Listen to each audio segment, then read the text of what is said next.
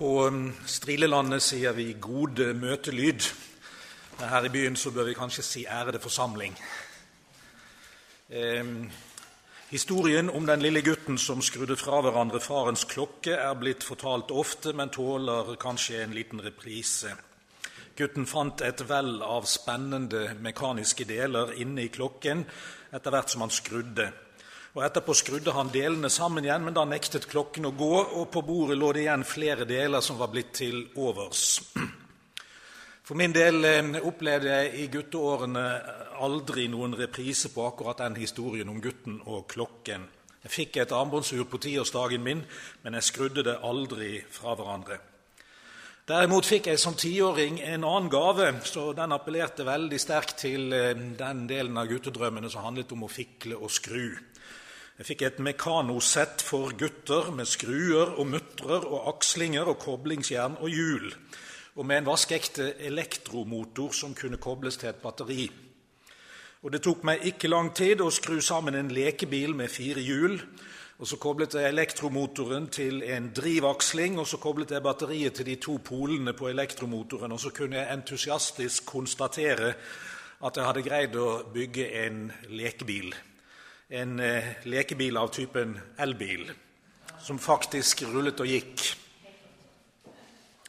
Ja vel, etter den eh, første mekaniske seieren så ble jeg sulten på mer, og bl.a. ville jeg finne ut hva som fikk en elektromotor til å virke. Det var lett å se den store uformede grønne magneten som var så sentral i eh, elektromotorens konstruksjon. Og så lirket jeg magneten løs og, kunst, og, da kunne jeg konstatere at mellom de to polene på magneten der befant det seg noen sirlig viklede bunter med elektriske ledninger. Og De kunne også produsere magnetisme når, eh, når man koblet strøm til. Og Motoren den snurret rundt eh, fordi like magnetiske poler som kjent frastøter hverandre, mens ulike magnetiske poler tiltrekker hverandre. Men så fant jeg på å begynne å løsne på disse bitte små ledningene, snurre og vikle de fra hverandre. Eh, og Da gikk det med meg som det gikk med den gutten som skrudde på farens klokke. Jeg greide å demontere elektromotoren min, men jeg greide ikke å vikle ledningene tilbake på riktig plass igjen, eh, slik at de kunne produsere magnetisme som var sterk nok til å drive elektromotoren rundt. Og Resultat som ti år gammel gutt hadde jeg greid å ødelegge en praktfull, liten elektromotor. Jeg har utviklet meg en del siden jeg var ti år, og nå er jeg 64 år, så man burde i grunnen vente det. Men jeg kom til å tenke på denne viklingen på elektromotoren da jeg altså litt motstrebende sa ja til å holde foredrag om utviklingslæren som ideologi.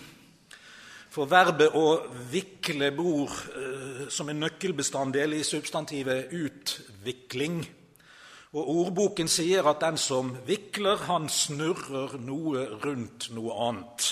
Å vikle, det er å snurre. Som tiåring med elektromotor greide jeg å vikle både utover og innover men erfaringen min var altså at det var ganske lett å vikle ledningsbuntene utover. Vi må vel kunne kalle det en form for utvikling. Eh, men det var ganske mye vanskeligere å vikle ledningene innover. Da ble det ja, nettopp innvikling. I mitt tilfelle som tiåring kan vi trygt si at ledningsutviklinger eh, som eh, jeg drev med, ikke akkurat var en utvikling til det bedre men snarere en utvikling til det verre. En ganske destruktiv utvikling. Så jeg har altså en førstehåndserfaring i tidlige barneår med at kategorien utvikling eh, eh, den har eh, flere sider. Utvikling er ikke nødvendigvis navn på et fenomen som per definisjon alltid er et gode. Tvert imot, utvikling kan være både et negativt ladet begrep og et positivt ladet begrep, alt etter målestokk og anvendelsesområde. Jeg sa altså for et øyeblikk siden at jeg har um, utviklet meg en del i, eh, fra jeg var ti år og til nå er 64 år. Og Så er jo spørsmålet da med denne utviklingsprosessen er det en utvikling til det verre eller til det bedre. Og Straks man spør slik, så faller det naturlig å nyansere svaret. Jeg er antagelig i noen henseender blitt klokere enn jeg var som tiåring. Intellektuelt er hodet mitt antagelig ja, det har utviklet seg til det bedre, skjønt muligheten for at den intellektuelle utviklingsprosessen nærmer seg reversknappen når man er fylt 64, den må man jo ta i betraktning. Og Kroppslig sett så er i alle fall eh, bildet mer nyansert. De første eh, årene etter tiårsdagen så, så ble jeg utvilsomt bare sterkere og sterkere og mer voksen og mer utviklet i kroppen. Men så eh, er jeg da som 64-åring nådd reparasjonsalderen, og nå spiser jeg piller og konstaterer at en eneste dag med snekkerarbeid på terrassen er nok til at store muskelbunter protesterer i dagevis etterpå etter skippertaket. Så kroppslig er det nok mest naturlig for en 64-åring å konstatere at aldringsprosessens diverse utviklingsprosesser Eh, ja, de er ikke så lite av en utvikling mot en gradvis forverring. Legg så merke til hva det er jeg gjør når jeg nå splitter utviklingsbegrepet opp i to kategorier. Jeg sier utvikling til det bedre og utvikling til det verre. Det jeg da gjør, det er å underordne utviklingsbegrepet under en overordnet etisk norm Selve det faktum at det skjer en utvikling, besvarer ikke det etiske normspørsmålet. Det bor i virkeligheten ikke noen etisk norm i selve begrepet utvikling. Men den etiske normen det er noe som jeg henter et annet sted fra. Jeg bare anvender normen idet jeg observerer en pågående utviklingsprosess og spør meg selv om det som skjer, enten er bra eller ille, godt eller ondt. Utviklingsbegrepet i seg selv kan ikke besvare et slikt spørsmål. Man må alltid spørre etiske normer til råds først. Og Dermed konkluderer jeg denne aller første lille terminologiske innledningsrunden slik Utviklingskategorien kan nok brukes til en lang rekke rent deskriptive formål, beskrivende formål. Men utviklingsbegrepet er komplett ubrukelig som leverandør av normative formål verdibedømmelser.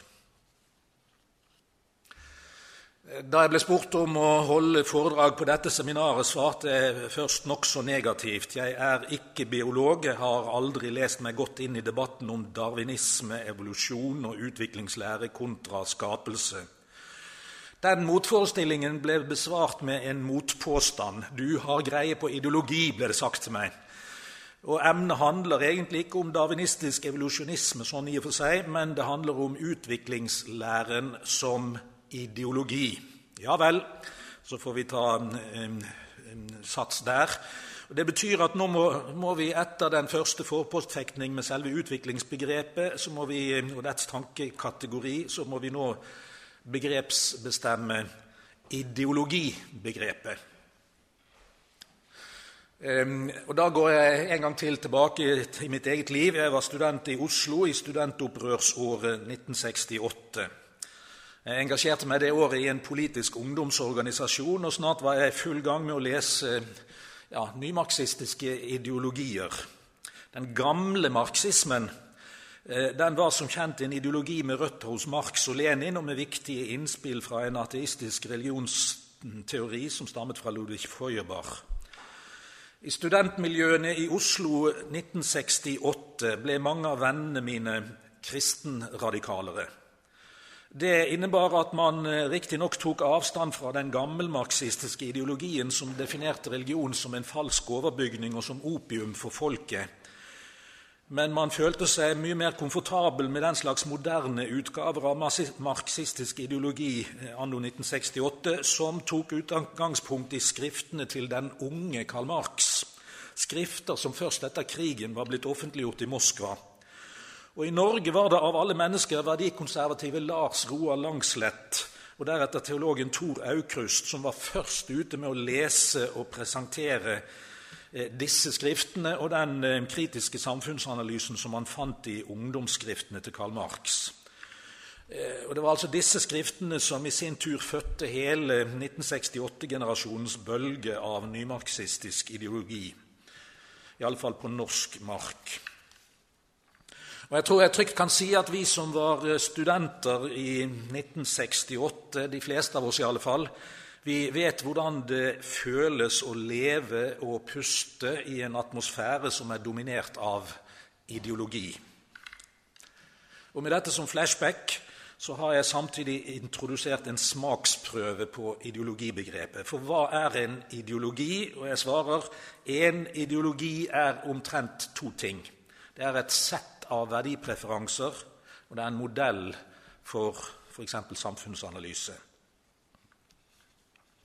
Den nymarxistiske ideologien fra studentopprørsåret 1968 sa i en sum at arbeid virker fremmedgjørende på arbeideren, og at fremmedgjøring er et etisk onde, og derfor er det nødvendig å svare på fremmedgjøring med revolusjon, i alle fall revolusjon på arbeidsplassen. Det fantes utvilsomt studentpolitikere fra 1968 som gikk alle de syv milene med den marxistiske samfunnsanalysen og ble helstøpte marxister, eller endog marxist-leninister. Eh, men man fant også eh, oss det året som antok en mildt lyserød politisk, studentpolitisk farge, og som heller adopterte en moderat, nonkonformistisk posisjon. En samfunnspolitisk sannhet er ikke nødvendigvis sann bare fordi statsministeren eller partiformannen sier det. Tvert imot skylder de å vise med både avklarte verdier og troverdig analyse hvor den iboende ideologien deres leder dem. Det skylder de å presentere før vi andre sier enten ja eller nei til det de står for. Og I den store norske EEC-debatten i 1972 så ble denne ideologikritiske og nonkonformistiske bevissthetstypen et nærmest uslåelig kampvåpen mot det norske medlemskapet i EEC. Det sier jeg, for jeg var i høy grad engasjert i akkurat det der som ung herre. ja. Det var mange ja-politikere som gikk frem fra de mange debattmøtene om EEC og den hadde sterkt behov for å slikke sår. Som kjent avgikk 1968-generasjonen og ideologien, den nymarxistiske ideologien vår, eller deres, av alt dette sånn. Den avgikk ved døden senest da høyrebølgen og jappebølgen kom veltende over oss på 1980-tallet, og ikke minst da Berlinmuren brøt sammen og Sovjetunionen i 1989 og 1991 gikk i oppløsning. Men også høyrebølgen hadde sin iboende ideologi. Adam Smith hadde som ideolog levert både et sett av verdipreferanser og en modell for samfunnsanalyse. Klassisk økonomisk liberalisme kan kort og summarisk sammenfattes i en påstand om at mest mulig økonomisk frihet er et gode, for da vil menneskenes økonomiske egoisme slippes fri. Og i et slikt frislipp vil hver egoist holde sin nestes egoisme i sjakk i en naturlig harmoni, f.eks. en naturlig samfunnsøkonomisk harmoni. Og det er bra, sier kapitalismens ideologi. Men akkurat som marxistisk ideologi feilbedømte menneskets ondskap i et statsdirigert ideologisk system, så er jeg overbevist om at liberalistisk kapitalistisk ideologi feilbedømmer menneskenes ondskap for det er forskjell på den som er sterk, og den som er svak, og kapitalistisk frislipp av egoister vil gi de sterke egoistene makten over alle de svake egoistene. Man har riktignok modifisert den opprinnelige kapitalismen med, såkalt, med såkalte antimonopoltiltak, men det er og blir et faktum at kapitalismen er sårbar for den rikes maktovergrep mot den fattige og svake.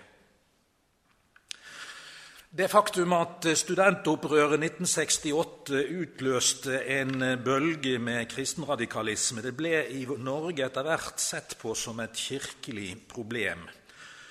Og Mot midten av 1970-tallet ble det derfor innkalt til en konferanse om Kirken og kristenradikalerne.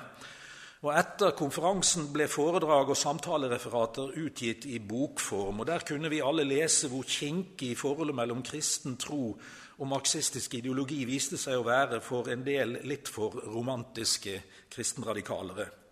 Religionsfilosof Peder Gravem påviste med en voldsom intensitet i de samtalene hvor komplett avgjørende Feuerbachs ateistiske religionskritikk er for selve analyseskjemaet i marxistisk samfunnsanalyse. Og Det historiske resultatet av disse samtalene ble derfor at kristenradikalerbølgen i Norge gradvis bleknet bort.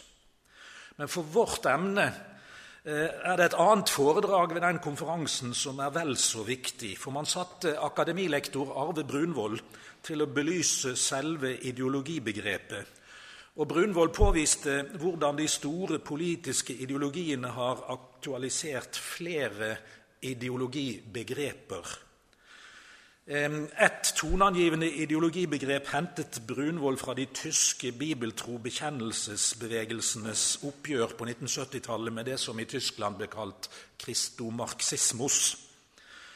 Og Det var da et, eh, i utgangspunktet et negativt ladet ideologibegrep. Det sier at en ideologi per definisjon alltid er totalitær. I Tyskland hadde man ferske og lite attraktive erfaringer med både nazistisk ideologi og kommunistisk ideologi. Derfor bør kristne menneskers politiske innsats avideologiseres, ble det da hevdet i signalene fra Tyskland. I Norge er vi på den andre siden mer vant til et mer deskriptivt og nøytralt ideologibegrep. En ideologi er et sett av verdipreferanser og en modell for analyse, men den trenger ikke nødvendigvis å være totalitær eller absolutt, i den forstand at den står fadder til politisk undertrykkelse og tvang. I Norge foregikk det i fjernsynets barndom på 1960-tallet en serie politiske ideologidebatter på TV ledet av Per Øyvind Heradstveit og Kjell Arnljot Vik. Og I disse debattene diskuterte man slike hverdagsideologier som partiet Høyres konservatisme, en ideologi, partiet Venstres liberalisme, eller sosialliberalisme, som var vel det de foretrakk å si på den tiden. Og man diskuterte Arbeiderpartiets sosialdemokratiske ideologi. Og Slike mer hverdagslige ideologier er ikke nødvendigvis totalitære. Ehm, Istedenfor å innby til ehm, avideologisering innbød disse debattene tvert imot politikerne til å tenke gjennom hvor de ville havne hvis de forfulgte sin egen ideologi med en rimelig grad av indre konsekvens. I Norge hadde vi derfor mest erfaring med det åpne og nøytrale ideologibegrepet, ikke det negativt ladede og eksklusivt totalitært definerte ideologibegrepet fra, fra Tyskland. Og Med sats i denne begrepsavklaringen fra Arve Brunvoll velger jeg da dette sistnevnte ideologibegrepet som tankeredskap for eh, det vi tenker på nå det åpne og nøytrale ideologibegrepet. Og jeg sier følgende En ideologi er et sett av verdipreferanser og en modell for anvendelse av verdipreferansene på konkret virkelighet, analytisk og osv. Det kan være, En ideologi kan være vidløftig og teoretisk, slik som marxisme og kapitalisme. Den kan være mer hverdagslig, slik som Høyres konservatisme og Venstres sosialliberalisme. Eller den kan være snikende og flytte inn i folks tankegang i form av nærmest ubevisste tankeskjemaer som vi bare adopterer uten å være riktig klar over hva det er vi gjør. Og med sats i denne definisjonen av begrepet ideologi vender jeg så tilbake til utviklingsbegrepet. For emneformuleringen vår Eh, bruker begrepet utviklingslæren i bestemt form entall.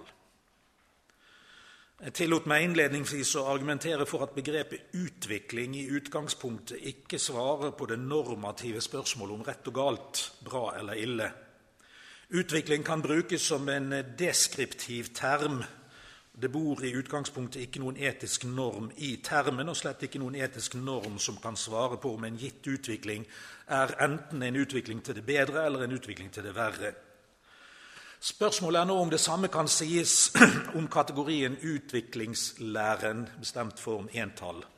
Og Svaret er at det tror jeg ikke. For i samme øyeblikk som vi bruker begrepet lære om en tankestørrelse, så sier vi samtidig at det hefter noe sterkt normativt ved vedkommende tankekategori.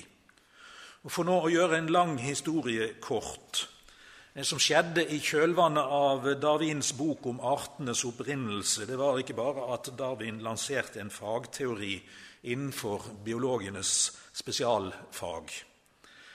Men det fulgte en bemerkelsesverdig nisse med på lasset, et helt nebenpensum, som tyskerne sier, i form av et ambisiøst og aggressivt utviklingsdogme. Og Dette dogmet nøyer seg ikke bare med å svare på det biologifaglige spørsmålet etter den rette teorien om de forskjellige biologiske artenes opprinnelse, men det kryper som en slags skjult ideologi inn på en lang rekke andre virkelighetsområder enn biologi.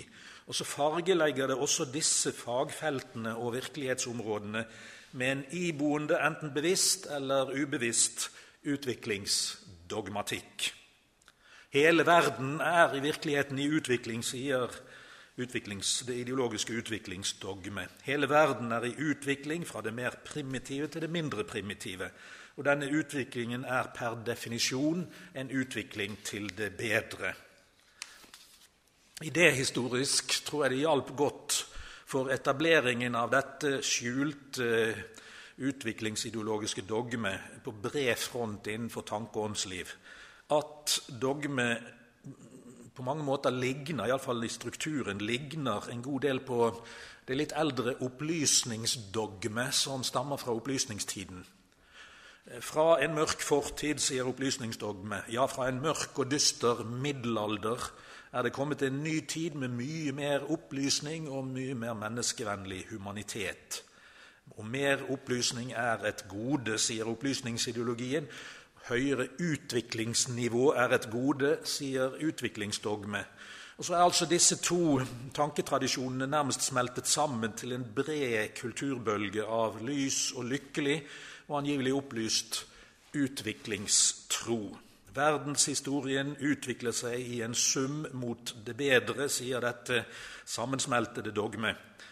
Bare vent, neste tankemote kommer helt sikkert til å bli bedre enn forrige tankemote, for det ligger i all opplysnings- og utviklingsvesen å vokse og utvikle seg til det bedre. Jeg nevnte at jeg i mitt eget eh, liv har ganske lett for å observere både utviklingstrekk til det bedre og utviklingstrekk til det verre. Å vokse fra å være 10 år til å bli 25 år det husker jeg som en svært positiv utviklingsprosess, selv om det var pyton å være 17. Men å bli 64 år og oppleve en kropp som eh, ikke blir eldre dag for dag, som ikke blir yngre, mener jeg, ja, det er eh, ikke fullt så lett å karakterisere det som en utvikling til det bedre, selv om det på den annen side har sine sider, det òg. Ja vel, Dette er altså utviklingsprosesser som jeg da bare henter fra mitt eget liv og bruker som illustrasjon. Jeg har lett for å bedømme det fordi det altså handler om meg sjøl. Til sammenligning kommer da den Darwin-inspirerte utviklingsdogme og sier at ute i storsamfunnet der er det en fast, eller i alle fall en dominerende regel, at utvikling per definisjon alltid er til det bedre. Det faller meg altså lett i øynene at min egen erfaring byr på materiale til å reise tvil om et slikt dogme. Men siden dogme så ettertrykkelig marsjerer i takt med dominerende tidsånd, så er det ikke uten videre gitt at mine mer anekdotiske personerfaringer byr på materiale som har sterk nok iboende potens til å nedkjempe eh, storsamfunnets tro på utviklingsdogme. Når vi derfor snakker om utviklingslæren som ideologi, da snakker vi i utgangspunktet om en ideologi med egne verdipreferanser og egne modellskjemaer for mer eller mindre hele virkeligheten. Og om ideologien i utgangspunktet ikke er ment å være totalitær, hører det med til tidsåndens klassiske kjennetegn at utviklingsdogme i alle fall opptrer temmelig intolerant mot rivaler innenfor hvert virkelighetsområde der ideologien blir anvendt. Og Så er det tid for å gå et skritt videre og se på et konkret eksempel. Et konkret eksempel på hvordan ja, snikende iboende Ikke bare snikende, men eh, ja, iallfall utviklingsdogmatikk, i ideologiform etablerer seg innenfor et helt annet fagfelt enn Darwins biologifag. Og Jeg velger da et eksempelfag som heter gammeltestamentlig bibelteologi. Og Det er da et delfag innenfor teologenes bibelfag. I et berømt foredrag i 1826 lanserte professor i gammeltestamentlig teologi i Jena, Johan Philip Gabler, et krav om adskillelse mellom faget dogmatikk og faget bibelteologi. Dogmatikkfaget må bygge på materialet fra bibelteologiet, sa, sa han, men dogmatikken må tenke dette fagets resultater sammen i lys av kategorier og tankeskjemaer fra samtidig filosofi og åndsliv. Det ble begynnelsen til en prosess, og i forlengelsen av foredraget ble det vanlig ikke bare å skille mellom dogmatikk og bibelteologi, men også å skille mellom gammeltestamentlig og nytestamentlig bibelteologi. Utover på 1800-tallet fikk de forskjellige fremstillingene av den gammeltestamentlige bibelteologien et sterkere og sterkere religionshistorisk preg. Man snakker om en skoleretning, en religionshistorisk skoleretning innenfor gammeltestamentlig bibelteologi. Gottlieb Kaiser skrev et trebindsverk, og det var noe i retning av en ren sammenlignende religionshistorie, selv om det altså handlet om gammeltestamentlig bibelteologi. En teolog som er kjent som Julius Wellhausens lærefader, professor eh, Wilhelm Fatke, konstruerte i sin fremstilling gammeltestamentlig bibelteologi med utgangspunkt i Hegels tese om ja, Hegels teori om tese, antitese og syntese. Og så sa Fatke Israels religion faller derfor i tre skarpt adskilte deler. Den førprofetiske, den profetiske og den eh, etterprofetiske fasen, akkurat som Hegels filosofi. Ikke rart derfor at disiplene hans, den berømte professoren i gammeltestamentlig eh, teologi Julius Wellhausen, eh, som skrev boken 'Geschichte Israels' i 1878, han brakte den religionshistoriske skolen til gjennombrudd innenfor gammeltestamentlig teologi, og i hans bok er utviklingsdogme, evolusjonistisk utviklingsdogmatikk, det er et grunnsyn som eh, er fremherskende i boken. Utviklingsdogme erobrer her et fagfelt som befinner seg langt borte fra heimetuftene til biologifaget. Min lærer på Menighetsfakultetet i studietiden, professor Ivar P. Seierstad, talte om velhausianismens høykonjunktur innenfor gammeltestamentlig bibelteologi. Og I den perioden beskrev bibelforskerne likt og ulikt innenfor alle foreliggende religioner i det gamle Israel. Og de gjorde det på like fot. Baal-dyrkelse og Javé-dyrkelse ble stilt ved siden av hverandre. Og Det ble forstått som jevnbyrdige størrelser som eh, var godt innvevet i hverandre, og som man ikke skulle sondre og skille mellom. Det er et i og for seg berettiget bilde av at Gud i Det gamle testamentet har gitt de menneskelige åpenbaringsmottakerne en fremadskridende åpenbaring. Men i Welhausen-skolen og senere i Herman Gunkels religionshistoriske skole innenfor gammeltestamentlig teologi støpte man dette om i utviklingsdogmets rent dennesidige ånd. Man snakket om hvordan teologien i Det gamle testamentet var et resultat av en utviklingsprosess. Mens bibeltro og åpenbaringsteologi sier at Gud har åpenbart ordet sitt for menneskene, så talte da denne religionshistoriske skolen om en rent dennesidig utviklingsprosess i folks religiøse erkjennelse. Utviklingsdogme opererer med en virkelighetsmodell som starter nedenfra i det primitive og vokser og modnes gradvis til et høyere og mer modent utviklings- og opplysningsnivå. En åpenbaring og opplysning som stammer fra Gud selv, er det ganske enkelt ikke plass til når utviklingsdogmets ideologi har erobret overtaket innenfor et fagfelt. Nå kan vi trygt si at den klassiske religionshistoriske skolen innenfor gammeltestamentlig bibelteologi i våre dager er et tilbakelagt stadium. Welhausen og Gunkel lever ikke lenger, bøkene deres er ikke lenger toneangivende rent faglig. Men selve utviklingsdogmets snikende ideologiske nebenpensum, det er altså omtrent som en ganske glup nisse som vet å klatre ubemerket opp på neste flyttelass straks det er tid for å skifte ideologisk adresse. Så nå forlater vi da eh, bibelteologiens fag, og så mm, tenker vi eh, et øyeblikk på eh, grunnsynsproblematikk innenfor et annet, nyere fag, som, et fag som heter sammenlignende religionsvitenskap. I Bibelen er forekomsten av hedenske religioner et forfallsprodukt, en utvikling til det verre. Gud åpenbarte seg for Adam og Eva, men syndefallet stengte de første menneskene ute fra paradishaven og det umiddelbare nærværet med Gud. Og I det etterfølgende voksende mørket utviklet de hedenske religionene seg, og et kjennetegn ved de hedenske religionenes utviklingshistorie er at de utviklet seg til det verre. Selve det første bud i dekalogen, tibudsloven, beviser det.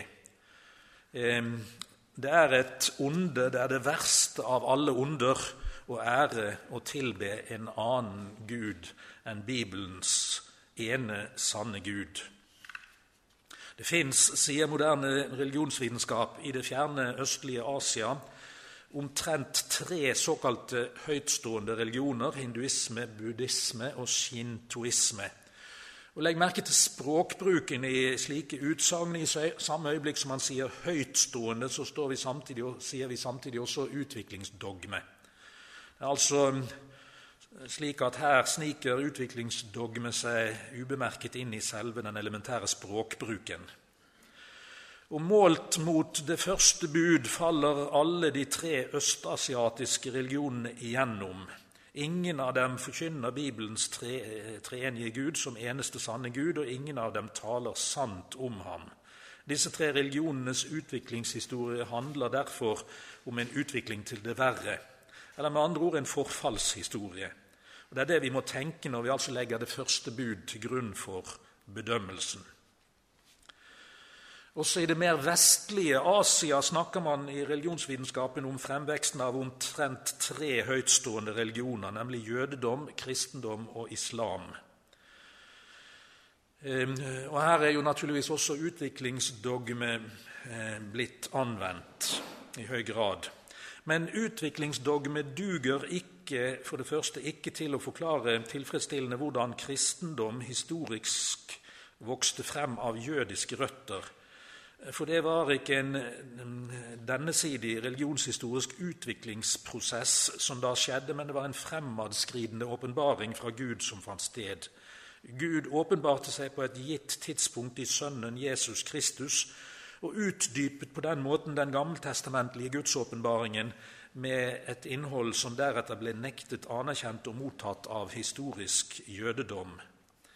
Utviklingsdogme greier for det andre heller ikke å komme til rette med det varselet som vi finner i Bibelens åpenbaring om at jødedom og kristendom skal gjenforenes ved at hele Israel en dag skal gjenkjenne Jesus som Messias, Guds sønn, og omvende seg til ham. På dette religionshistoriske feltet er utviklingsdogme rett og slett ubrukelig Eh, når vi legger bibelsk åpenbaringstro til grunn for vurderingen.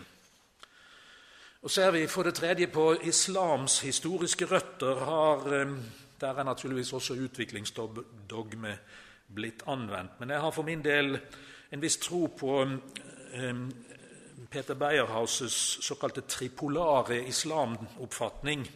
Islam, sier Peter Beierhaus, vokste frem av for det første judeokristne røtter, som Muhammed riktignok delvis misforsto, for det andre av allmennreligiøse og naturreligiøse røtter lokalt i Arabia, og for det tredje av rent demonologiske røtter, nemlig i lys av den definisjonen på hedenskap som står i 1. Korintiabrev 10.20.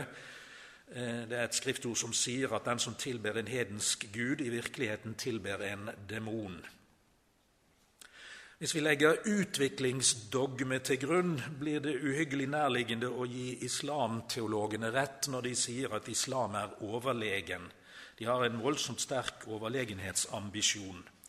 Islam er et senere utviklingstrinn av jødedom og kristendom, og siden all utvikling er til det bedre, er utviklingen av islam nødvendigvis den overlegne religionen, slik islam selv sier, eh, hvis vi tenker med sats i utviklingsdogme.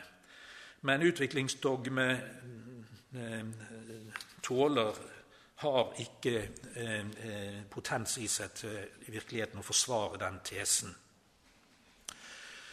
Jeg siterer fra et brev som C.S. Lewis skrev til Sheldon van Auken. sitat, Jeg er ikke enig i det bildet du tegner av religionenes historie, at Kristus, Muhammed og Buddha utviklet livssyn med en opprinnelig enkelhet.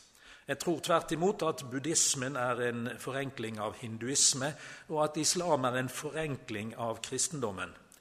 Lysende klar, gjen, eh, lysende klar, gjennomsiktig og enkel religion, dvs. Si Tao pluss en skyggeaktig etisk gud i bakgrunnen, det er en sen utvikling som vanligvis stiger opp blant høyt utdannede folk i de store byene, sier Louis. Det bor naturligvis en utviklingstanke i dette Louis-sitatet. Eh, men det er ikke utviklingsdogmets utviklingstanke, men isteden handler det om en utviklingsprosess som er en forfallsprosess, en utvikling til det verre. Islam er et intellektuelt forenklingsprodukt utløst av bylivets urbaniseringsprosesser og med bylivets behov for forenklinger, sier Louis. Det historisk opprinnelige er slett ikke enkelt og primitivt, men det er sammensatt og komplisert og innholdsmettet, nettopp slik vi burde vente det av en tro og et livssyn som er åpenbart av den Gud hvis tanker alltid er høyere enn våre mennesketanker. Islam er i virkeligheten ikke en overlegen religion, men et forfallsprodukt etter en utvikling som beveget seg til det verre. Det var ille nok at Muhammeds samtid på 600-tallet ikke sondret noe særlig mellom regimentene, men brukte vold og makt både som misjonsmiddel og politisk kampmiddel mellom de arabiske ørkenoasene og ørkenklanene. Det er ille å lese hvordan mange av 600-tallets kristne mishandlet jøder som bodde fredelig i Muhammeds nære nabolag.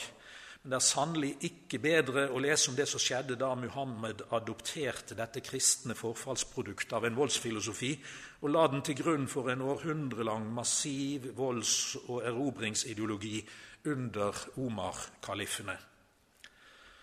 I våre dager er det jo især eh, islamteologen Sayid Qutb som har ledet arbeidet med å gjenreise islams historiske voldsideologi i moderne utgave i form av vår tids militante jihadistiske islamisme, med mavebeltebombe og bilbombeterrorisme som dagsaktuelle kjennetegn.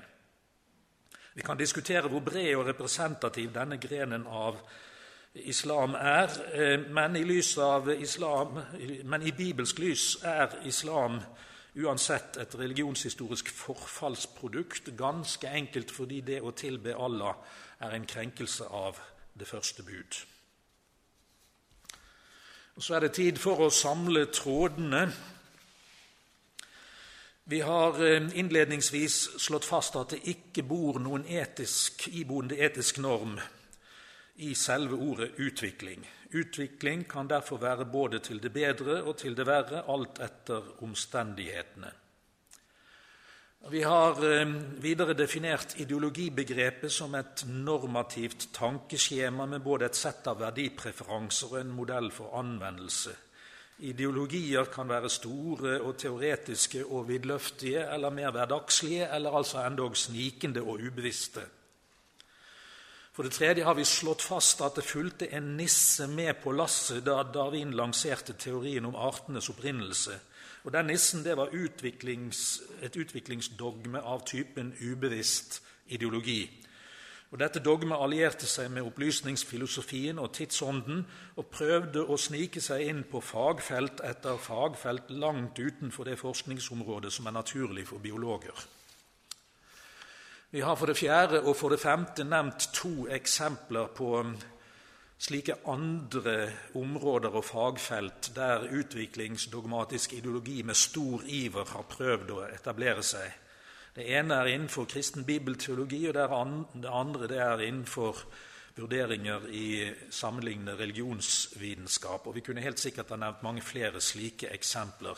Men når vi nå prøver å samle trådene i en konklusjon, da tror jeg vi gjør klokt i å vende tilbake til der hvor vi begynte.